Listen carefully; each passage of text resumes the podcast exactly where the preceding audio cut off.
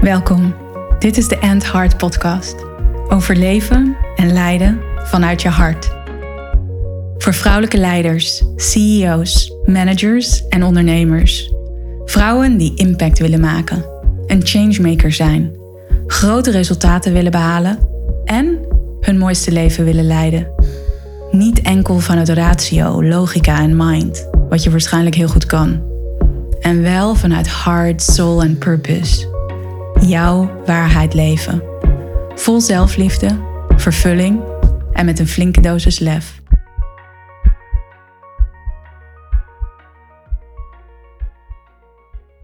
Welkom bij weer een nieuwe aflevering van de End Heart Podcast.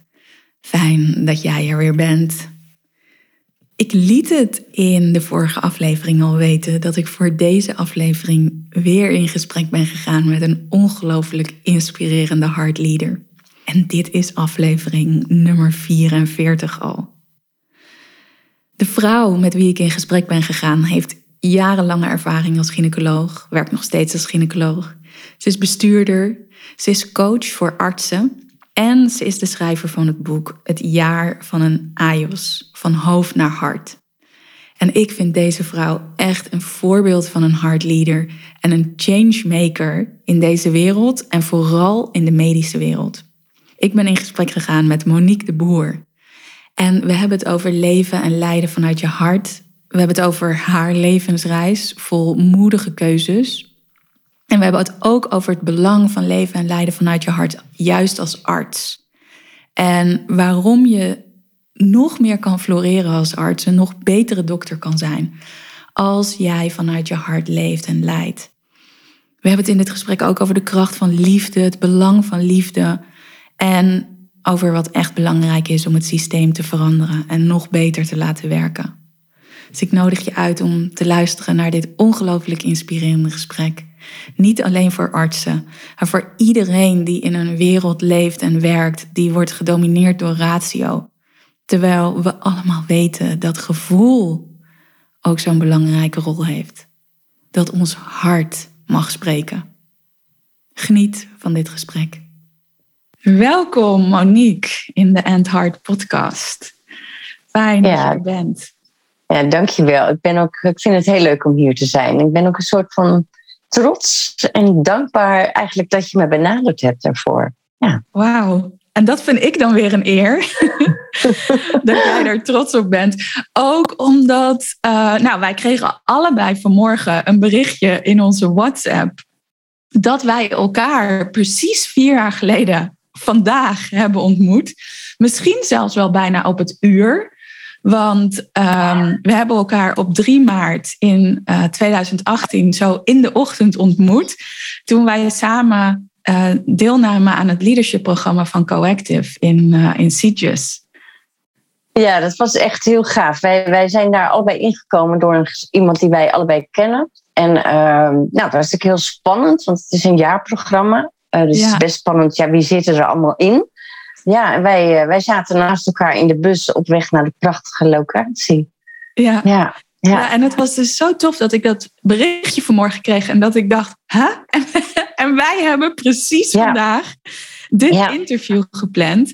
Ja. Um, ja, omdat ik jou ook heel graag wilde interviewen voor de End Heart podcast. Omdat ik jou zo'n mooi voorbeeld vind van een hard leader in de medische wereld. En je hebt het boek geschreven voor artsen in, uh, in opleiding. Zeg ik dat goed, artsen in opleiding? Ja, dat klopt. Het is het boek, dat heet Het Jaar van de Anios. Dat gaat over artsen die nog niet in opleiding zijn en artsen die wel in opleiding zijn. Want die doen in het eerste jaar, nou ja, allemaal echt hun traject en hun ontwikkeling. En dat boek heeft ook als ondertitel van hoofd naar hart. Ja. En het idee van het boek, dat is ook ontstaan toen in Sitges, of in ja, Sitges zaten we. Ja, daar is dat eigenlijk ontstaan als quest. Ja, ja. ja dat is echt ja, de opdracht voor jezelf. Ja. Uh, die jij hebt meegenomen vanuit dat leadership programma. Om ja, jouw visie de wereld in te brengen. Ja, ja. Ja, en het is wel mooi. Hè? Ja, het is grappig dat het precies vier jaar geleden is. Maar uh, dat wij, denk ik, allebei daar begonnen zijn met van hoofd naar hart. Van hard werken, veel meer naar, ja, wat vind ik eigenlijk echt belangrijk en wat doet ertoe? Ja.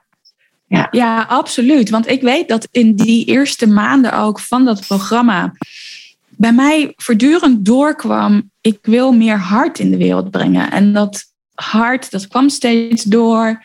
En toen ben ik zo gevallen met mountainbiken. In de, ook de eerste maanden van, uh, van het jaar in mei was dat. En dat daarna voor mij zo duidelijk doorkwam. Ah, dit is echt mijn missie. Dit is wat ik mag doen. En eigenlijk heb ik de rest van het programma toen ook tot het einde van het jaar gebruikt om mijn visie meer vorm te geven.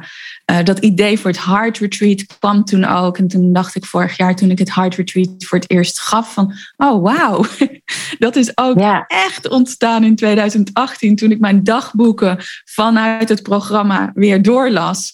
hey, wauw, dat is wat ik toen in mijn gedachten en in mijn hart had. En nu is het gemanifesteerd. Net zoals dat jouw boek nu ook echt daadwerkelijk hardcopy bestaat. Absoluut, ja. binnenkort ook een e-book ervan. Dus um, ja, dat is echt wat de milieu natuurlijk ook weer wat vraagt in mijn hart. Dus er komt ook een uh, e-book versie van. Ja, ah, mooi, mooi. Ja, ja. ja. Een ja. reis. Een super reis, een super reis. Ja, en, en, echt heel mooi dat wij dan dus nu vandaag met elkaar over, hier over in gesprek gaan. Over hard leadership, over leven en leiden vanuit je hart. En ook over jouw reis, jouw levensreis van hoofd naar hart. En jouw missie om dat ook binnen de medische wereld uh, ja, uit te dragen. Ja, en mensen zijn nu vast ook al wel benieuwd van oké, wie is Monique? Vertel. Ja, wie is Monique? Ja, ik denk dat het belangrijk is om primair te zeggen dat ik uh, uh, moeder ben van twee mm-hmm. ondertussen volwassen kinderen. Want dat is, ja, dat ga je natuurlijk zien als je ouder wordt, dat dat eigenlijk heel belangrijk is. Ja, ik ben ooit heel gedreven uh, gynaecoloog geworden. Um, omdat ik, ja, ik ben enorm eager in ontwikkelen, in groeien. Uh, ik heb ooit HAVO gedaan. Dus het was helemaal niet zo um, vanzelfsprekend um, dat ik uh, gynaecoloog zou worden. Kom ik uit een familie waarin dat helemaal niet, kende helemaal geen dokter. Maar ergens, toen ik twijfelde van ja, ik zat op een HBO-opleiding, wat moet ik doen?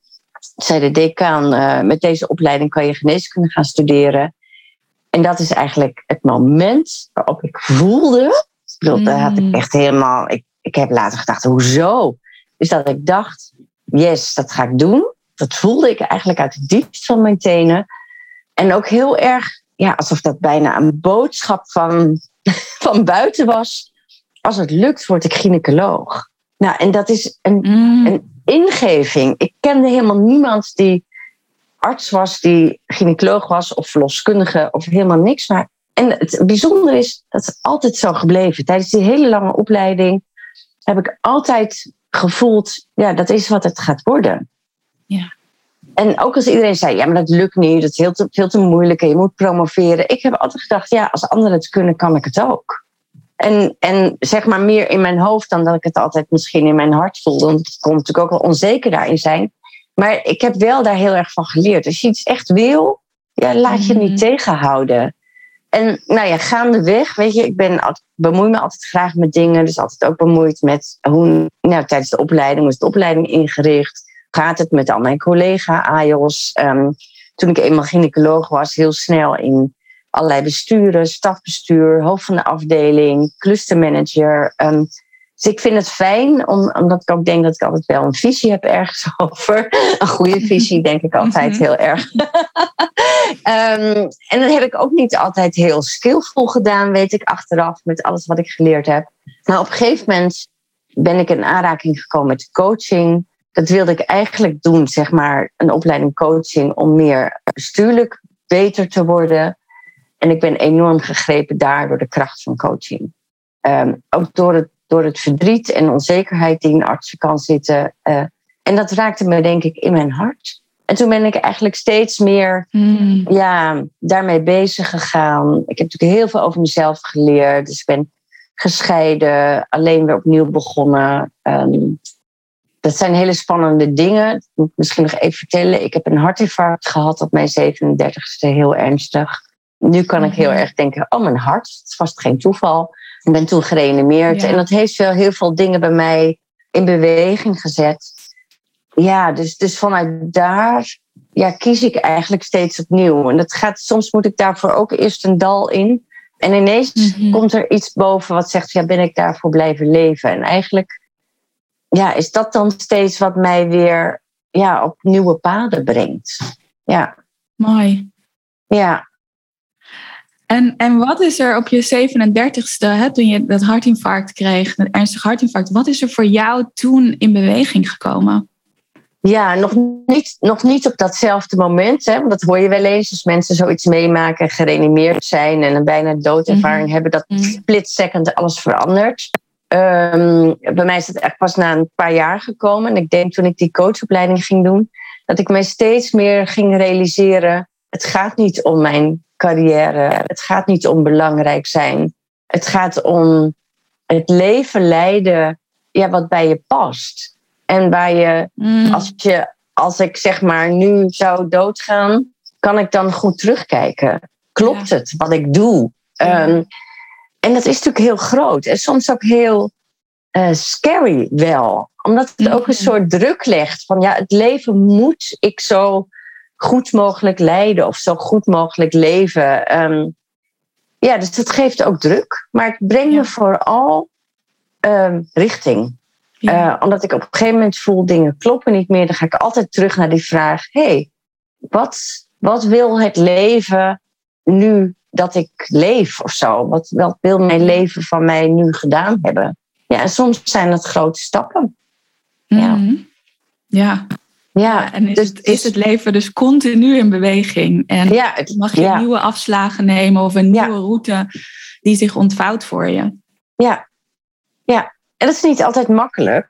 Hè? Want als je het zo zegt, dan, dan, nou, dan lijkt het één groot. Alsof ik een soort feestend bestaan leid. En steeds. Dat is niet zo. Want ik heb natuurlijk ook valkuilen en angsten. En nou, op een gegeven moment komt bij mij wel altijd dat punt. Mhm. En ja, dan doe ik ook in een split second iets. Daar ga ik dan niet meer heel lang over nadenken. Want als ik Ja. dat punt bereik, dat die vraag komt, dan weet ik, hé, hey, hier vraagt iets enorm aandacht. Mm. En hier vraagt iets om verandering. ja. Ja. En hoe Dus- herken jij zo'n punt? Ja, dat herken ik. Ehm, ehm, en ik denk dat ik me dat nu pas veel bewuster word dan eerder. Ik herken het eigenlijk omdat ik een soort verbinding met mijn lijf een beetje kwijtraak. En heel erg in mijn hoofd Mhm. ga zitten. Dus mijn hoofd wordt zo slecht rustig. Ja. Ook al mediteer ik, ook al doe ik. Nou, ik, ik heb ook een opleiding bij HeartMath gedaan, hè, dus dat, dat helpt allemaal. Alleen dat hoofd breekt daar steeds doorheen.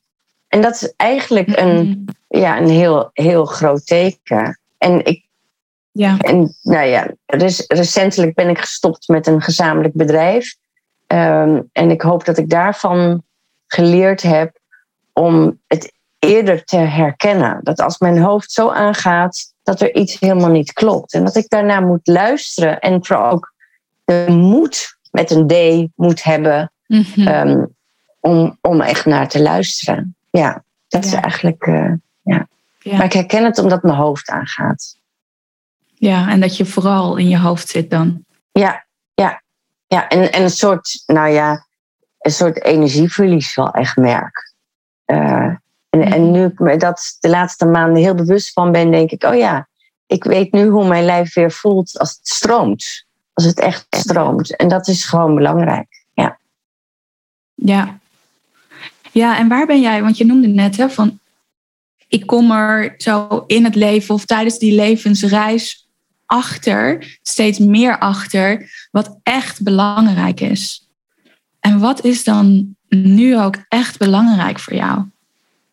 Ehm, ja, liefde, dat is een groot woord, als je het zo zegt. Ehm, Mhm.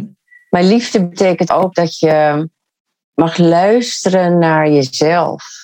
Naar wat je zelf nodig hebt. En dat kunnen hele kleine dingen zijn. Eh, dat kan dat je rust kiest voor jezelf. Of dat je ook kiest om een keer niet te gaan sporten. Of, ehm, dat kan van alles zijn. Maar het betekent voor mij natuurlijk ook, ook in mijn werk als, als coach en trainer voor artsen. ehm, dat je ook al heb je een heel belangrijk verantwoordelijke baan waarin een ander, namelijk de patiënt of je collega's of de afdeling, altijd belangrijker lijken, Ehm, dat je momenten kiest om tegen jezelf te zeggen: ben ik nog oké hiermee? Klopt het nog? Mhm. Ehm, als arts, en dat heb je natuurlijk in meer vakken, weet je, je zit in zo'n rijdende trein. Je, je gaat erin als je nou 1920 bent, als je met je studie geneeskunde begint. En als je eruit komt, ja, ben je vaak al tegen de 30, wel of niet gepromoveerd. Ehm, je bent eigenlijk alleen maar bezig met arts te worden, huisartsspecialist. Of nou, er zijn heel veel andere soorten artsen. Ehm, en eigenlijk vergeten artsen heel vaak in dat traject stil te staan bij: ja, is dit wie ik wil zijn? Is dit het leven wat ik wil doen? Omdat het zo, ja, zo belangrijk is om die arts te worden. Ehm, Mhm. Zo belangrijk dat je in die trein zit, dat je eigenlijk vergeet naar buiten te kijken van, hè, klopt het landschap nog wel bij mij? Ehm, Ja. ja, en dat is, dat is iets waarvan ik nu heel erg besef van, dat is zo belangrijk, zeker in de zorg nu, weet je. Er, er zijn zoveel artsen burn-out of tegen de burn-out aan. En het is natuurlijk heel erg mooi dat iedereen maar wil proberen om dat werk te blijven doen. Maar ik denk, ja, als je nou kijkt naar jouw reis als mens, ehm, ja, op een gegeven moment moet je terugkijken naar je leven. En is dat dan wel oké geweest? Ja. Ja, dus daar, daar ben ik nu heel erg. En liefde is daar natuurlijk wel een groot woord in. Ja, Mhm. Ja. Ja, want ik kan me ook voorstellen dat artsen ook dat werk zijn gaan doen, omdat ze ook zo graag willen Ja. geven. Zo Ja. bezig zijn met de ander Ja. of de verbetering in de wereld. En Ja. mooi metafoor ook die jij gebruikt van ze stappen in een trein. Ook de trein waar jij zelf bent ingestapt. ja En dat je absoluut. van, hé, hey, waar rij ik eigenlijk? Is dat in lijn met wie ik ben? Maar dat mensen dus ook vergeten om naar binnen te kijken. Ja, absoluut. Weet je, het is een, ehm, een vrij conservatieve wereld nog, de geneeskunde. Mhm. Ehm, en de- je wordt ook ergens toe opgeleid. Het is bijna een soort ambacht. En het is zo'n mooi en belangrijk vak dat het, mensen zich bijna schamen als ze hardop uitspreken: Nou, ik ben er niet meer happy in. En ik weet nog toen ik zelf ehm, in 2016 uit loondienst ging als gynaecoloog en helemaal ZZP werd. Ik ging in een privékliniek werken, in een ZBC. En daarna coachen en, en trainen. Ehm, ja, dat was voor mij een belangrijke stap. Hè, omdat ik ook financieel, ja, ik vond dat heel spannend. Ehm, ik moest het ook heel vaak uitleggen. Want Mhm. mensen vinden je een soort, die vinden daar wat van. Ja, dan ga je in de privékliniek werken, hoezo? Maar voor mij was dat echt nodig om mijn hele leven, mijn hele, alles wat ik belangrijk vond, dus en gyne- als gynaecoloog werken, wat ik nog steeds doe, en kunnen coachen en trainen. En ik ben bestuurder bij organisaties, hè. ik ben, zit in een raad van commissarissen, om al die dingen te kunnen blijven doen. Om het zeg maar de vorm te geven die ik belangrijk vind. Ja. En dat heb ik echt heel vaak, want ik ben ook voorzitter van klachtencommissies. En dan moet je komen solliciteren. Dan kijken mensen naar je cv. Ik ben eerder uit het ziekenhuis weggegaan omdat het mij niet paste. Hè, dat is ik denk begonnen, mijn, mijn, mijn reis om te luisteren naar mijn hart. Ja, mensen vinden dat gek in de geneeskunde. En die denken, nou, er zal wel iets met jou mis zijn. Je zal wel Mm. moeilijk in een vakgroep liggen. Of, eh, dus dat moet, je, ja, dat moet je uitleggen. Omdat Ja. dat nog niet zo gewoon is. En ik, daar worstelen heel veel artsen mee. En dat, dat is eigenlijk heel pijnlijk. Omdat ze inderdaad, net wat jij net zei, zij doen werk. Zij gaan dat doen om iets te betekenen voor de mensheid. eh, En voor Mm. anderen. En ja, dan is het enorm jammer eigenlijk om te zien dat in die reis... Ja, ze zichzelf eigenlijk een beetje verliezen. En dat, geldt, dat geldt voor de jonge artsen. Want heel veel van de jonge artsen die, ja, die zijn gestart met een promotieonderzoek om die opleidingsplaats te krijgen. En dan moeten ze in die opleidingstijd ook nog dat onderzoek afmaken. Dat doen ze allemaal in hun vrije tijd. Ehm, onbetaald, terwijl het eigenlijk heel belangrijk werk is. Ondertussen krijgen ze een gezin. Dus dat zijn allemaal live events die daar allemaal in die opleiding ook nog plaatsvinden. Het is eigenlijk heel groot. Ja. Ehm, en soms vind ik dat moeilijk dat wij dat met z'n allen, artsen bedoel ik dan, wij artsen, dat systeem met z'n allen eigenlijk goedkeuren. Denken, Ja. wow, zo'n belangrijke opleiding. En verwachten we dat iemand ook nog promoveert ernaast, ook nog een gezin krijgt. En dan ook nog helemaal fris en fruitig eh, fit to work is, fit to perform. Nou, het zijn gewoon drie banen bij elkaar. Ja. Ja. En aan de andere kant van het spectrum, zeg maar de wat oudere artsen, Ehm, en ik vind dat zo mooi in dat boek van, dat ken je ook van David Brooks, The Second Mountain, volgens mij. Mhm. Ehm, weet je, van ja, je, je doet je leven een tijd, je hebt succes, je behaalt van alles. Vervolgens verschuift er iets door live events, of doordat je niet meer uitgedaagd wordt, of door, nou, je, je gaat je zingeving missen. Uh, en dat hebben artsen van 45 plus, zeg maar nu. Dat denk ik, ja. het klopt gewoon niet meer helemaal. Ja. En daar moet je ja, ruimte aan geven om te voelen, om niet mhm. door te gaan in die trein. Maar vooral te voelen van, klopt het bij mij? En wil ik het misschien anders? En ik denk dat we in het gezondheidszorg daar veel meer ruimte voor moeten gaan geven aan, mhm. aan artsen om daarbij stil te staan en het eventueel anders in te richten.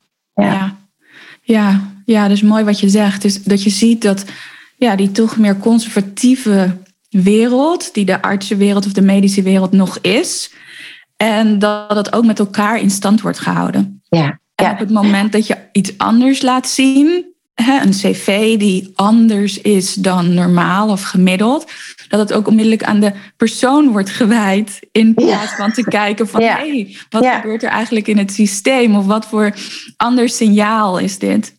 Ja, ja, en dat klopt. Weet je, en er zijn wel ja, veranderingen. Weet je, je hebt natuurlijk eh, de jonge dokter, de jonge specialist, je hebt zin in zorg. Dat zijn allemaal bewegingen die heel veel aandacht vragen voor ja, het systeem past ons niet meer.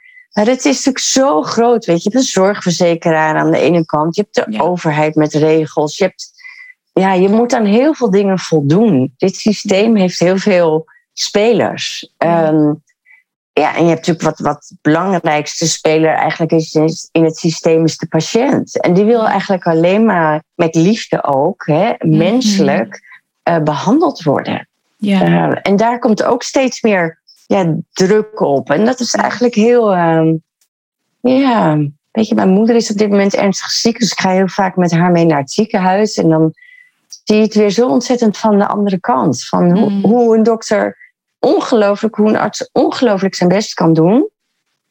En toch dat het voor de patiënt, ja, die ervaart het heel anders. Die heeft geen idee wat, wat daar allemaal achter zit voor het systeem. Ja. Ja, ja. Welke nieuwe inzichten geeft dat je ook weer om met je moeder samen aan de andere kant te zijn? Ja, het geeft voor mij weer heel veel compassie. Wat natuurlijk ook wel een gevoel is wat echt uit je hart komt. Het geeft heel veel compassie voor al die hardwerkende artsen die hmm. soms een beetje tegen het systeem in, hè, want met heel veel administratie, heel veel vinkjes, toch voor die patiënt eigenlijk gewoon altijd het allerbeste willen doen. Dat is echt, ja, elke individuele arts wil gewoon voor die ene patiënt het allerbeste doen. Ja, en dat vind ik, ja, dat raakt gewoon iedere keer. Ja. Ja. Ja. ja. En dat raakt ook die liefde, hè? Die je net ja. ja, ja, en ik, weet je, heel soms denk ik ook terug aan mijn eigen tijd toen ik net begon als gynaecoloog. En ik ben in een tijd begonnen dat ik veel minder vinkjes hoefde te zetten en veel minder administratie hoefde te doen. En dan kan ik daar ook zo blij van worden. Gewoon hoe je met z'n allen, en ik heb natuurlijk heel veel verloskamers, heel veel bevallingen. Ja, dat is ook een soort nieuw leven creëren. En, je, en mm. ik kon daar zo zijn met mijn hele mens, met mijn hart, met mijn hoofd natuurlijk ook met mijn intuïtie van ja, wat is hier nodig? En, en dan ben je zo ultiem verbonden als mens in een heel bijzondere situatie, uh, heel bijzondere ervaring deel je samen. En dat is prachtig. Als arts heb je steeds zo'n uniek inkijkje in het leven van iemand en deel je eigenlijk een prachtig pad. Ja, dat is eigenlijk heel mooi. En heel veel artsen zien dat gelukkig nog steeds. En worden ook wel ja, overspoeld door alles wat er moet. Heel veel mhm. artsen zijn een soort ja, wandelend hoofd, een soort walking head. Omdat dat nou, een beetje een overlevingsstand. En dat vind ik echt, uh, ja, dat raakt me echt heel erg. Ja. Ja, en ik kan me ook voorstellen dat alle artsen die nu luisteren naar dit gesprek, maar misschien ook wel vrouwen en mannen die in andere werelden werken, waar het hoofd zo ontzettend belangrijk is en aan is, waar rationaliteit en logica overheerst en misschien ook systemen zoals in de, in de medische wereld van vinkjes zetten en allerlei dingen die je moet bijhouden binnen het systeem. Dus ik kan me voorstellen dat luisteraars dit herkennen. En wat is dan ook volgens jou het belang om juist in die wereld wel naar binnen te gaan, wel naar je hart te gaan luisteren en te onderzoeken wat er in je hart leeft en wat echt belangrijk is voor jou? Ja, kijk, onderzoeken wat er in je hart zit en je met je hart verbinden, uh, naar binnen gaan, dat haalt je eigenlijk direct uit je overlevingsstand. Dus dat haalt je uit je vecht, vlucht uh, of bevriesmodus. Ja. Um, en het, je hebt dat gewoon nodig om, om in zo'n systeem, onderwijs is bijvoorbeeld net zo'n systeem, om met jezelf te kunnen verbinden. En wat je, wat, wat je daaraan zal merken als je dat beter doet, is dat je ook minder opvliegerig wordt, minder prikkelbaar binnen het systeem. En dat je door dat te doen, je ook meer weer kan verbinden met de mooie dingen en de goede dingen. En dat je eigenlijk voor jezelf veel helderder beeld krijgt van hé, hey, maar dit vind ik nog steeds belangrijk. Want mhm. dat, dat gebeurt hè, als mensen in overlevingsstand gaan, dan je hele brein gaat eigenlijk alleen maar kijken naar wat is er niet goed. Wat is er potentieel gevaarlijk? Waar heb ik last van?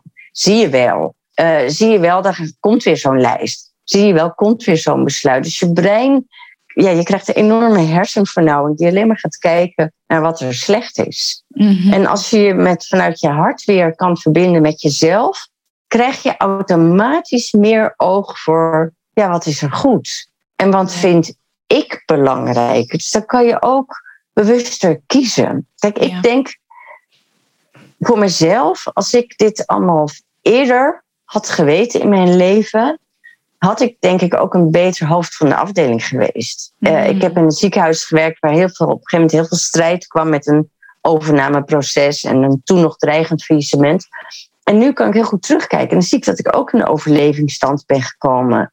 En misschien mijn collega-specialisten die een iets andere mening toegedaan waren mm. over een belang, volgende stap, dat ik die minder heb willen horen. Ja. Dat paste voor mij niet bij wat wij, mijn groep zeg maar, dacht wat de beste stap was. En ik denk, als je je meer met jezelf kan verbinden, of daar ben ik van overtuigd, dat denk ik niet, dat is ook mijn ervaring. Als je je meer met jezelf kan verbinden, komt er meer ruimte. Ook voor de andere stemmen, voor de andere. Uh, en kan je daar de waarde ook van gaan inzien. En je, je blijft gewoon rustiger erin. En, je, en onbewust, maar ook bewust, ga je binnen het systeem veel meer creëren wat voor jou belangrijk is. En daarmee, hè, dat steeds een druppel op die gloeiende plaat, steeds een druppel. Maar mhm. iedere keer een druppel in dat systeem zal in kleine stukjes dat systeem veranderen. Ja, ja. ja mooi. Ja, misschien om je een voorbeeld te geven. Um, ik heb net een hele nieuwe nascholing ontwikkeld. En dat heet mhm. Wise Doctors Hoe Verder. En dat is voor de 45-plus arts, zeg maar. Maar je hebt natuurlijk ook onder, of, of AIOS die gewoon niet meer weet hoe verder. Dus die, die zit in zo'nzelfde stramien dan. En ik heb daar accreditatie voor aangevraagd. Een accreditatie, dat is altijd als arts moet je nascholingspunten hebben om geregistreerd te blijven. En het is eerst afgewezen door de accreditatiecommissie. Die zeiden ja, persoonlijke ontwikkeling. Ja, ik heb daar even een paar dagen mee moeten zijn, zeg maar. en toen dacht ik, oh ja, ik snap dat zij dit zeggen. En toen heb ik gewoon heel een brief geschreven van ja, maar je kan niet meer als arts, als arts functioneren als je niet naar jezelf kijkt. Wie ben ik hierin? Je gaat, als je dat niet doet, ga je fouten maken. Je gaat, je gaat je energie verliezen. Je wordt moe. Je bent niet fit to perform. Je, dus ik heb dat gewoon uitgelegd. Van ja, het is mega belangrijk dat wij hier als systeem aandacht gaan geven. Ja. En nou, het is een heel mooie, mooie uh, gezamenlijk proces eigenlijk. Dus het is nu geaccrediteerd. Je krijgt er nu nascholingspunten voor. En dan denk ik, alleen maar, wauw, weer zo'n druppel. Dat toch zo'n accreditatiecommissie gaat zeggen, oh ja, met deze uitleg gaan we zien dat het inderdaad heel belangrijk is. Mm. Nou, en zo, ja, zo gaan we dat dan maar creëren, dat systeemverandering. Ja. ja, mooi. En hierin ben jij dus ook echt een changemaker. En dat is ook waarom ik zo graag met jou in gesprek wilde en je dit platform wilde geven. Omdat je dus echt inderdaad die, die, ja, die druppel op de gloeiende plaat.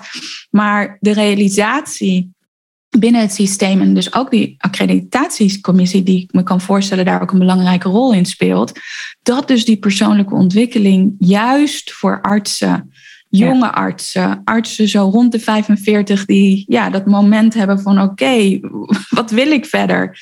Dat juist die persoonlijke ontwikkeling zo belangrijk is om te floreren als arts. Ja, absoluut. Ja, en en zeg maar door, door het op deze manier ook stemmen te geven, van hé, hey, het is mhm. geaccrediteerd, dus het is oké om bij jezelf te gaan stilstaan. Het is oké om te twijfelen, ja, wil ik wel zo verder? Ehm, en natuurlijk is het zo, weet je, arts zijn vraagt ook in sommige vakken dat je nachtdiensten doet, um, dat je vervelende klussen moet doen. En net als in elk belangrijk en verantwoordelijk vak, daar zit altijd een keerzijde aan.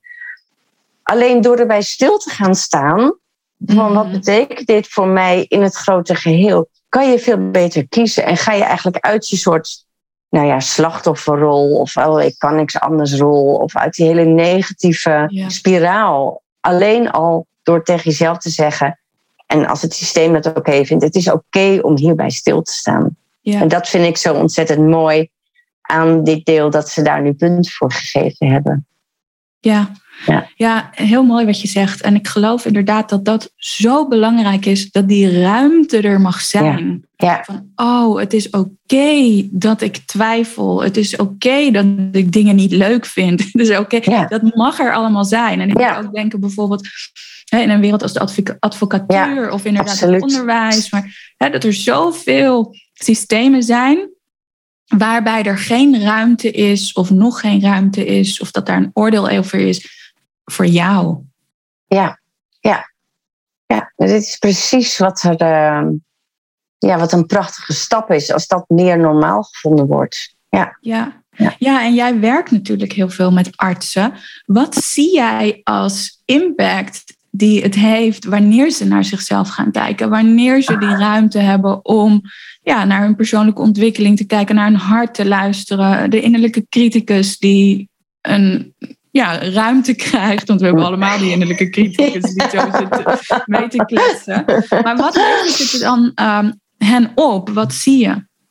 Ja, nou ten eerste een enorme uh, ontspanning. Mm.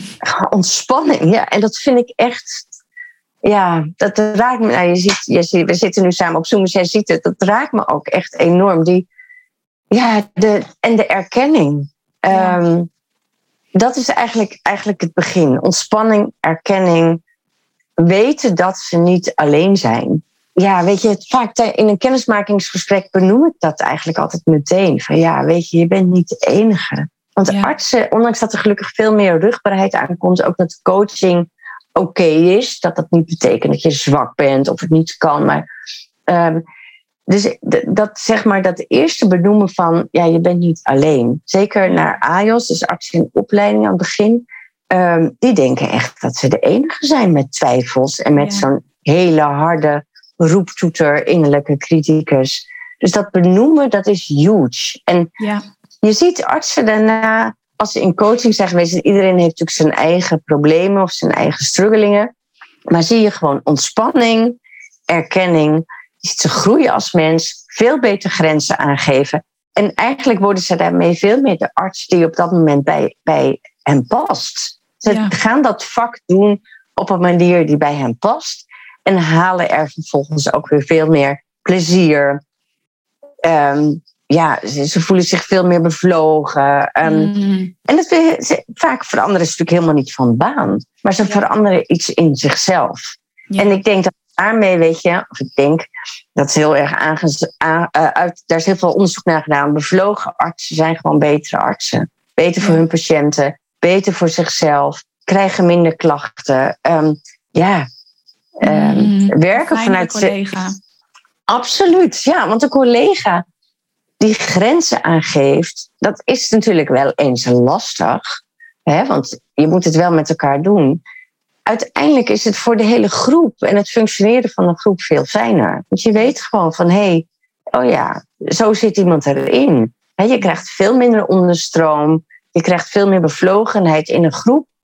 als iemand grenzen aangeeft en als je het daarna met elkaar het gesprek kan hebben over oké, en wat is hier dan belangrijk in Mm. voor jou?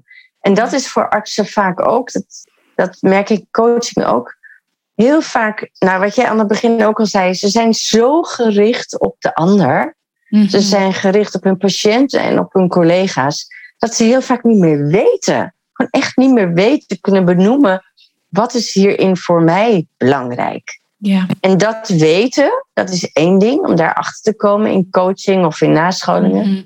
Maar daarna, en dat is soms nog moeilijker, ervoor gaan staan. Ja. Dat die innerlijke criticus je ruimte gaat geven, of dat jij zorgt dat die innerlijke criticus stiller wordt, zodat je ruimte krijgt er ook echt voor te gaan staan. Ja, en dan creëren we natuurlijk een systeem met z'n allen, waarin waarde, zingeving, ehm, ja, collegialiteit echt groot wordt. Ja. ja, en die liefde. En die liefde. De Ja, ja, elkaar. ja. Kijk, en in het grote geheel, ik heb daar heel lang geleden een keer een blog over geschreven op LinkedIn, over dat de zorg heel erg ge- nou, op dit moment gericht is op angst en op Mhm. controle. Hè. Daarom zijn al die checklisten. En sommige checklisten zijn heel goed. Hè. Op een operatiekamer, voordat je gaat opereren met elkaar, doe je een soort checklist, wat piloten ook doen. Dat is ontzettend goed in time-out. Maar die, dat gebeurt aan, aan alles. Hè. Nu moet je bijna denken, ik heb de patiënt geen hand gegeven, zeg maar, in het kader van corona. Ehm, Mhm. ja, weet je, al dat soort dingen komen voort uit controle. De ziektekostenverzekeraar die doet dingen uit controle. En hoe mooi zou het zijn als we ook daarin weer niet vanuit angst, hè, want controle hoort echt bij angst, maar vanuit liefde dat kunnen doen. Ervan uitgaan dat die declaraties wel kloppen. En die hele kleine percentage frauderende mensen die overal zijn, ja, let it go. Maar nu gaat daar allemaal heel veel aandacht naar. En het zou Ja. zo mooi zijn als ook het financieringssysteem van de zorg en ook de, de controlesystemen van de inspectie veel meer uit zou gaan van vertrouwen. Weet je, iedereen wordt arts om iets goeds te doen. Ehm, ja. Ja, als dat nou het uitgangspunt is, dat zou toch fantastisch zijn. Ja, mooi dat dat ook echt weer op de voorgrond mag komen. ja, Terwijl ik naar je luister, realiseer ik me ook dat dus die controle, die krampachtigheid, het moeten presteren, je moeten bewijzen, al zo jong ook, denk ik, als Ja, arts ach. in de opleiding. Daarna, als je als co-assistent in het ziekenhuis werkt, kan ik me zo voorstellen, en die hele carrière die daarna komt, dat wanneer je net zei van die herkenning en bijna die opluchting van, oh, ik mag ontspannen. Ja, ik realiseer me dan dat dat, hoe dat een rol kan spelen in die Ja. controle, in die krampachtigheid van ah, ja, ruimte. Ruimte Ja. waarin ze mogen zijn om met zichzelf te connecten, om juist ook dus die betere arts te kunnen zijn, of die meer kundige arts te kunnen zijn, of die meer liefdevolle arts te kunnen zijn, omdat daar weer ruimte voor komt. ja. Ja, en terwijl ik jou dit zo hoor zeggen, realiseer ik me ook dat dat heel. Nou, als je dat gaat doen als arts met jezelf, dan creëer je voor jezelf ruimte. Je creëert ruimte voor je collega's. En het is daarnaast ook best nog ja, spannend of chaotisch, want het systeem beweegt nog niet mee. Hè, want Mm. ja, ik moest denken, elk systeem, als de, zeg maar de ehm, directeur kan stelen uit kas van een bedrijf, dan kan zeg maar de, de jongste bediende dat ook doen. Hè? Dat is iets Ja. wat in het systeem dan een soort van normaal gevonden wordt. En hierin is het systeem is nog zeg maar van angst en controle. En dat je binnen zo'n systeem ander gedrag gaat doen. Ja. En ja, dat is natuurlijk dat is geweldig. En ook gewoon, ja, vraagt moed Ja. en tijd. Hè? Geduld vraagt het ook. Van, oh ja, en compassie. Van, oké, dit is wat ik wil. Het systeem kan nog weer barstig zijn. Maar dit is wel wat er, ja, hoe ik het wil doen. En ik denk dat het ehm, op die manier, als iedereen steeds meer naar zichzelf gaat kijken, wat is voor mij belangrijk, ja, gaat het systeem natuurlijk uiteindelijk veranderen. En dat zal iedereen ook wat meer handvatten geven. Want nu Mm. denken heel veel artsen en advocaten en docenten en oh ja, maar het systeem is te groot. Ik kan er niks aan doen. Ik kan er alleen maar uit. Ja. Ehm, en als je gaat ervaren in jezelf als ik iets verander in mijzelf, verandert in ieder geval het kleine stukje om mij heen. En daarna ja, zal het, de ringen in het systeem uh, ja, zullen steeds verder worden, steeds groter worden en zich uitbreiden. Ja, ja. echt dat ripple effect, hè? Ja, ja. Wat begint bij jezelf. En, en mooi wat je zegt, dat het dus ook zo gaat over die moed met een D en die compassie. Ja. En, en daar speelt het hart een super grote rol in. Want het hart is de bron van moed, de bron van compassie. En de combinatie van die twee is zo belangrijk om daadwerkelijk die ruimte voor jezelf te creëren. En die beweging of die verandering. Ja, ja en ik denk ook inderdaad, uh, nu jij zo zegt, denk ik, ja, het is ook echt de moed om anders te durven zijn. En de moed om het anders te durven doen. Ja, en wetende dat dat nodig is om het systeem te veranderen. Dus iedereen die zo'n hele kleine verandering doorgaat, die voegt iets toe aan het systeem en is daarmee minder machteloos. Want Absoluut. Je gaat dat ervaren. Ja. Ja. ja. en ook wat jij net zei, hè, dat in zo'n groep, op het moment dat uh, mensen daarover delen en die herkenning voelen, zien, ervaren bij elkaar. En ik herken dat ook heel erg van het Heart Retreat, waar vrouwen dan bij elkaar komen met ondernemers, vrouwen in, in leidende rollen. En een hele grote was. Oh, jij hebt dat ook. Ik ben niet de enige. En dat gaf zo'n toestemming dat het er mocht zijn. En ook zoveel support om door te gaan met ehm, blijven bewegen. Door te gaan met echt vanuit hun hart hun missie, die zij dan specifiek in hun veld uh, voelden, om die echt daadwerkelijk tot uiting te blijven brengen. Ja. ja, het is mooi dat je dat zegt, want dat heb ik met mijn. Ik heb al wat vragen gekregen over mijn nieuwe nascholing. En daar zit dat ook in. Van nou, ik vind het ik sta zo alleen met mijn worsteling. Uh, hoezo in een groep? Dat is veel te spannend. En, toen, hè, en hoezo zijn er meer mensen die dat hebben? Um, denk nou, je bent lang niet de enige. En juist in een groep, dat stukje, wat je ook in je hartretreat hebt ervaren, van herkenning bij elkaar. En ook de erkenning naar elkaar. Van hey, wow, jij zit er ook mee. Alleen al door dat te, te zien in elkaar geeft al eigenlijk dat stuk ja, ontspanning. Ehm, ja, wat ik ook in coaching heel erg ervaar met mensen. Ja. Ja. ja. en dat illustreert dan misschien ook wel wat je net vertelde over hoe, hoe alleen artsen zich dan ook voelen in hun worsteling. En dat eigenlijk ook niet willen of lijken te willen delen ja. vanuit angst. Ja. Met, uh, met anderen. Terwijl het dus zo, wat jij ziet zo'n gemeen goed is. Ja, precies. Nou, en het is ook, hè, Ehm, en ik denk dat de advocaten en docenten en nou, iedereen die een soort van vak geleerd heeft, hè, ook al is dat een wetenschappelijke opleiding, ergens zit in al dat soort mensen een soort stem, een soort overtuiging. Als ik toegeef aan mijn angst, aan mijn onrust, aan mijn dat ik dit niet meer wil nu, zoals het nu gaat, dan kom ik in een fuik. Want als ik dat hardop uitspreek, moet ik eruit het is alsof er een soort aan- en uitknop mm. alleen maar is. Um, en dat is een overlevingsstand. Dan wordt het heel zwart-wit. Ja. Uh, ik kan er alleen maar in blijven. En als ik zeg dat ik dit niet oké vind tegen mezelf, moet ik eruit. En dan, weet je? En zo is het niet. Maar dat is je overlevingsstand ja, die je dat laat denken. Ja. Uh, en en nou ja, dat is echt een uitnodiging voor alle artsen en alle advocaten en alle docenten en elk mens wat in zo'n ding zit. Wees je ervan bewust dat je nooit de enige bent. Nooit. Ja, dus durf uit te spreken. Ja. Ja. Ja, en zelfs voor mijn gevoel dat het is je bent een van de velen daarin. Omdat we allemaal die worsteling hebben. En dat is ook zo wat ik zie bij de, met de vrouwen, bij de vrouwen met wie ik werk. Ehm, ja, dat juist die worsteling zo'n rol speelt. En dat het zo belangrijk is om die aan te kijken, daarmee te zijn. Om vanuit je volle potentie te leven. Ja. Ja, en of dat, nou gaat over in je privéleven. En wat ik ook mooi vond, is dat jij ook aan het begin van, van ons gesprek en toen je over jezelf vertelde, juist ook benadrukte hoe belangrijk jouw moederrol is geworden.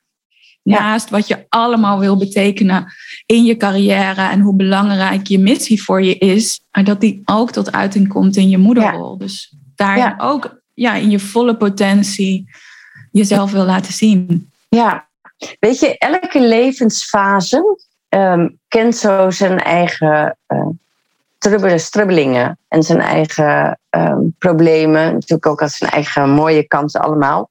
Ehm, maar zeker in die, die banen die heel veel van je vragen, is het in elke levensfase belangrijk om, je, om stil te staan bij jezelf. En je af te vragen, oké, misschien soms wel de vraag, en dat, dat is altijd voor, nou in ieder geval voor artsen, want het zijn natuurlijk mijn coachklanten, een moeilijke vraag. Ja, hoe wil ik hierin zijn? En hmm. wat jij in deze fase het beste?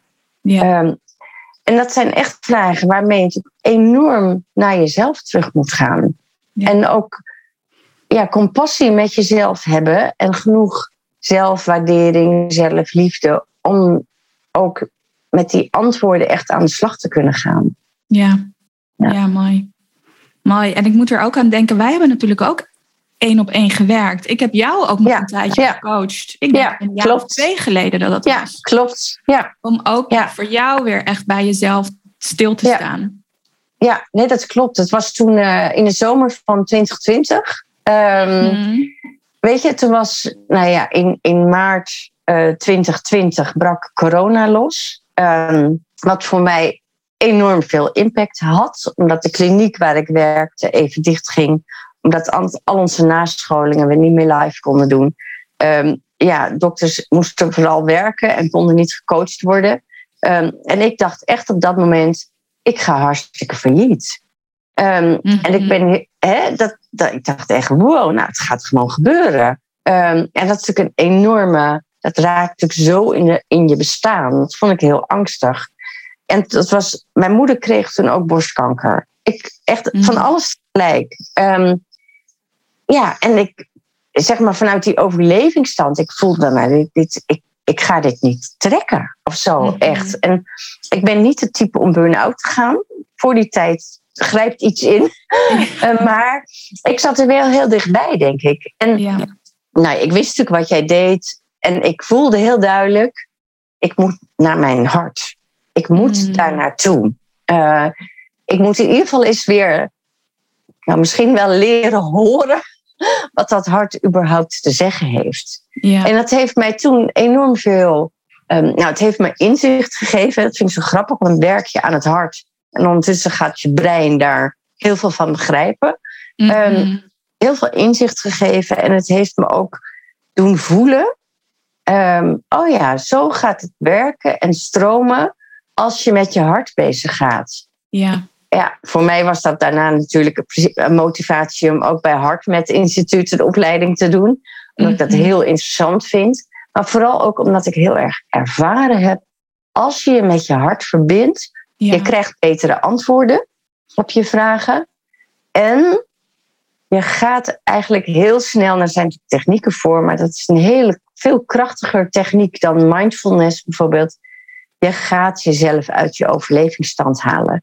En alleen als je uit die overlevingsstand gaat, dan ga je weer horen wat is echt belangrijk. En ja, nou jij zei het net ook al, courage, moet het zit echt in je hart. Ehm, ja, dan ga je dat ook voelen veel meer. Van yes, ik durf het. Want weet je, mm ja, moed hebben betekent niet dat je niet bang bent. Je kan ontzettend bang zijn en het spannend vinden en toch gaan doen. Weet je, ja, ik, ik doe ook dingen die ik echt heel. De buitenwereld ziet dat niet, hè? Dat, mhm. Ik denk altijd, oh, weet je, die Monique, die doet al die dingen maar. Maar bij mij zijn dat ook processen en worstelingen. En soms vind ik het ook ongelooflijk spannend.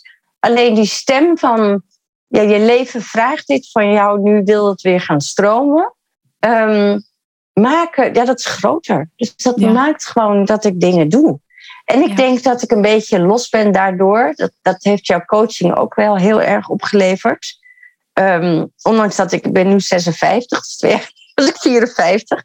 Maar nog steeds was het toen ook voor mij wel een beetje belangrijk. Ja, wat vindt de wereld ervan? Mhm. En nu kan ik echt denken, weet je, leeftijd helpt daar echt in. Kan ik steeds meer denken, nou, het is eigenlijk helemaal niet zo belangrijk. Die vindt er toch wel iets van. Het is veel belangrijker ik er iets goeds van vind, van mijn Ja. stappen. En dat is, ja, dat, weet je, daar heeft jouw coachingstraject en jouw, ja, om mij naar mijn hart te brengen en eigenlijk ook naar de moed te brengen. Want dat weet ik nog, dat Mhm. wij daar, dat staat, ik heb al die aantekeningen nog, dat staat ergens op een vel, heel groot, moed met een D. Eh, dat had ik nodig. En daar Ja. moest ik weer naartoe en mijzelf verbinden. Ja. Ehm, nee, dus dat, ik, ik geloof enorm in de kracht van hart. Ja, ja, ja, mooi. punt. Hart met een T. Punt. ja, ja, hart met een T en moed met een D. Ja. Ja. mooi. Mooi wat je zegt inderdaad over die moed. En dat het zo gaat over de moed hebben, juist om je eigen visie de wereld in te brengen, juist om die verandering te creëren. En dat daar ook heel veel angst bij kan komen kijken. Wat anderen van je vinden, wat als het gaat mislukken, wat als, wat als, wat als. En dat het juist gaat over daar doorheen gaan, daar doorheen durven gaan. Ja, weet je, en ik, ehm, sommige mensen verklaren mij echt voor gek soms. Toen ik eh, ontslag nam uit mijn eerste ziekenhuis, waar ik echt, nou, Mhm. echt met hart en ziel in gewerkt heb, totdat gewoon daar het systeem zo krampachtig werd dat ik daar niet meer in kon functioneren. En ik heb natuurlijk echt met pijn in mijn hart afscheid genomen van mijn vakgroep toen. Want het was echt, wij waren echt Mhm. liefde met elkaar. Mhm. Ehm, ja, ik nam ontslag en ik had geen andere baan. Nou, voor een alleengaande toen nog moeder met een iets te duur artsenhuis, zeg maar, is dat best spannend. ja. Ehm, en op een of andere manier voel ik dan heel sterk, ik moet dit eerst doen. En in het Engels klinkt het zo mooi, een bold move maken. Ik moet dit eerst doen, want pas daarna kan ik rouwen, kan ik het op zijn plek laten vallen en komt er ruimte voor iets nieuws. En het grappige is, of het bijzondere is, dan neem ik ontslag. Dus ik heb mijn brief echt zo gepost bij de raad van bestuur. Daarna voel ik een soort van opluchting, meteen. Mhm. ja. Ehm, en kan dat proces gaan vloeien. Dat ik afscheid neem, dat ik verdrietig ben, dat ik rouw. Dat ik, ehm, en ja, binnen zes weken had ik een andere baan. ja. En iedereen zegt dan altijd, ja, dat lukt jou altijd. Dan denk ik, ja, is het geluk Mhm. dat ik het uitnodig? Omdat ik vertrouw dat er altijd wel iets komt. Ja, dus ik vind Ja. dat... Weet je, dus ook bold moves... Het ziet er voor de buitenwereld heel stoer uit. En dat is echt een oproep aan iedereen. Sta je daar niet blind op. Want ook onder die bold moves zitten angsten, zitten onzekerheden, zitten eh, innerlijke critici, een heleboel, een heel orkest. Ehm, alleen iets is sterker, namelijk het Ja. verlangen om het anders te maken. Ja. En dat is altijd sterker. En daarna luisteren, en dat zit echt in je hart. Ja. Ehm, ja. En daar stappen in nemen. Ja, ja het- als ik zo naar je luister, inderdaad, dat is misschien ook wel de essentie van leven en lijden vanuit je hart. Dat je Ja.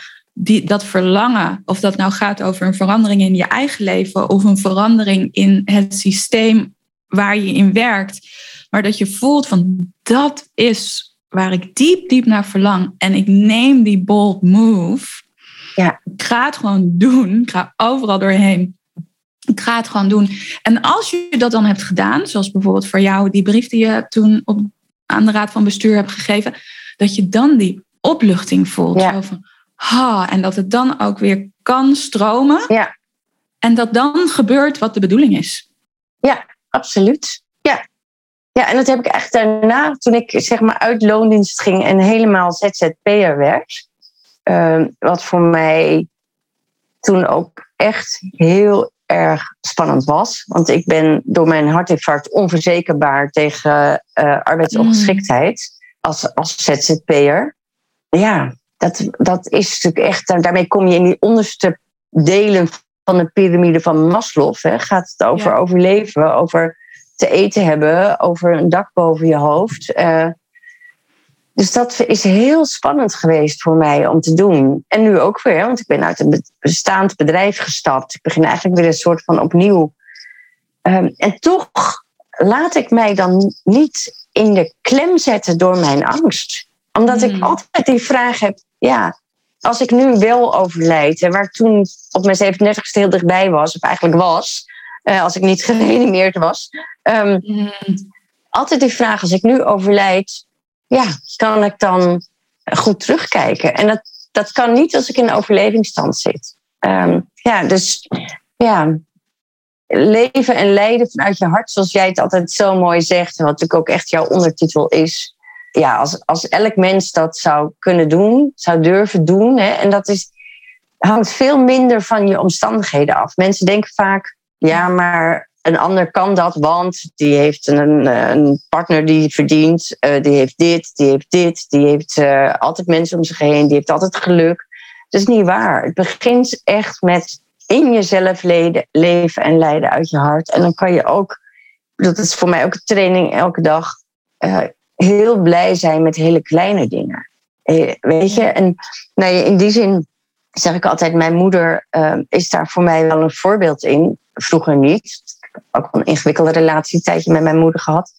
Uh, maar mijn moeder kan zelfs nu zij oud is en heel ziek is, mij foto's sturen van uh, uh, krokusjes die gaan bloeien. En daar wordt ze helemaal blij van. En dan denk ik, dat is ook leven en lijden uit je hart. Dat, dat zij in al haar nadigheid besluit, dit is waar ik mijn aandacht op richt. Op het mooie, op het nieuwe, op de lente, op de zon. Um, ja. Het is er. Ja. ja. Maar het heeft te maken met kiezen voor wat je wil zien. Ja. ja, ja, en waar je je aandacht op legt, dat zal zich uitvergroten. Ja, ja, absoluut. Ja, ja dus mooi. Dat is...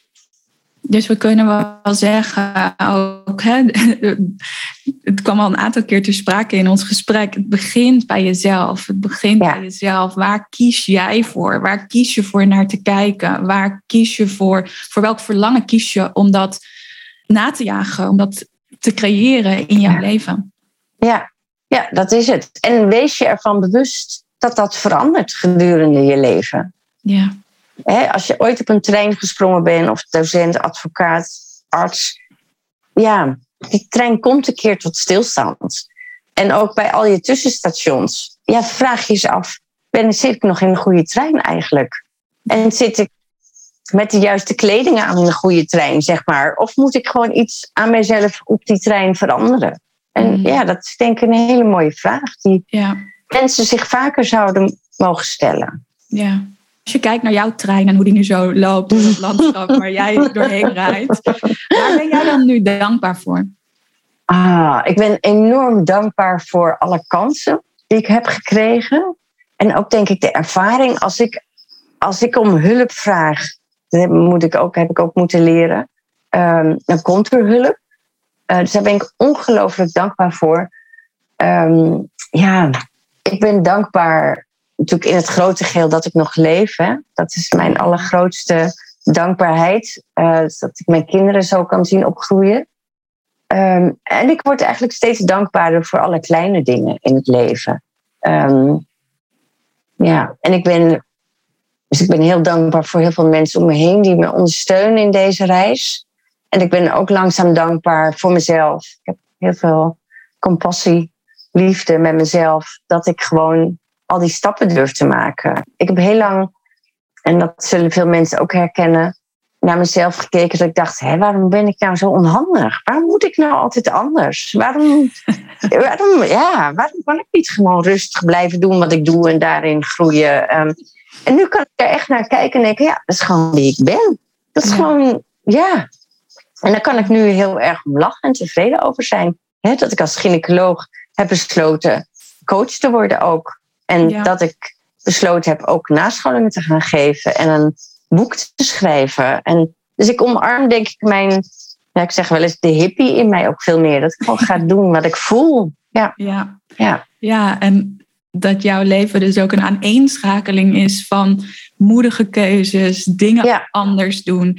En dat maakt ook voor mij dat jij echt een voorbeeld bent van een hartleader die mm. een missie deze wereld inbrengt. Een hele belangrijke missie.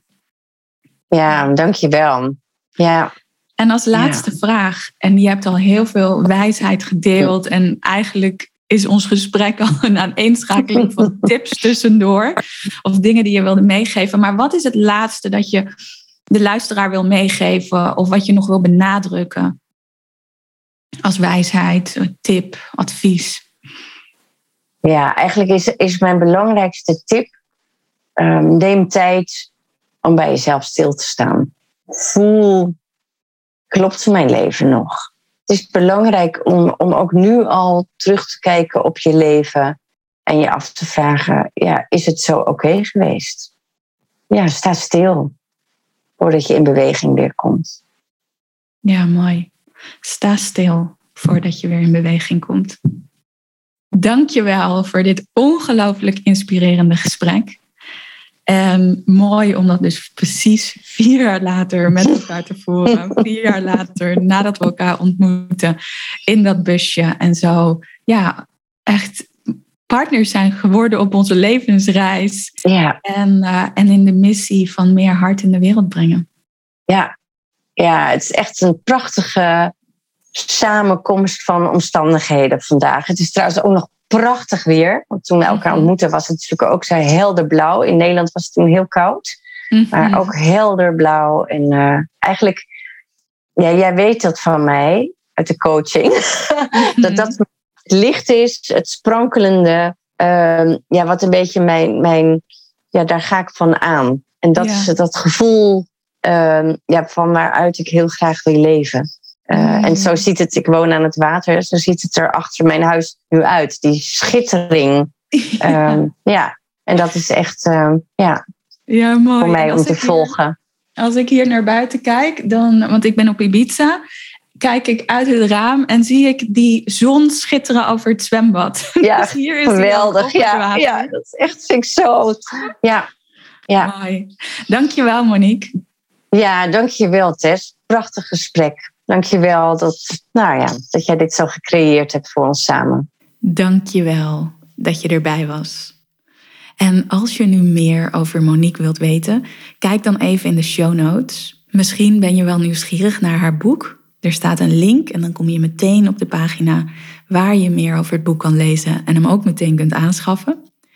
Of misschien wil je meer informatie over haar bedrijf, Wise Doctors. Misschien denk je wel, wow, ik wil ook graag één op één werken met jou, Tess. Check dan ook die show notes, want daar vind je meer informatie over mijn exclusieve één op één traject en kan je ook meteen je match call boeken. Ik zie er naar uit om je te spreken en wij zien er allebei naar uit, Monique en ik, om van jou te horen en te horen welke impact dit gesprek heeft op jou en hoe het je heeft geïnspireerd. Dus schroom niet om ons een bericht te sturen op Instagram of op LinkedIn. En voor nu wil ik je bedanken en een hele fijne dag wensen. Ciao.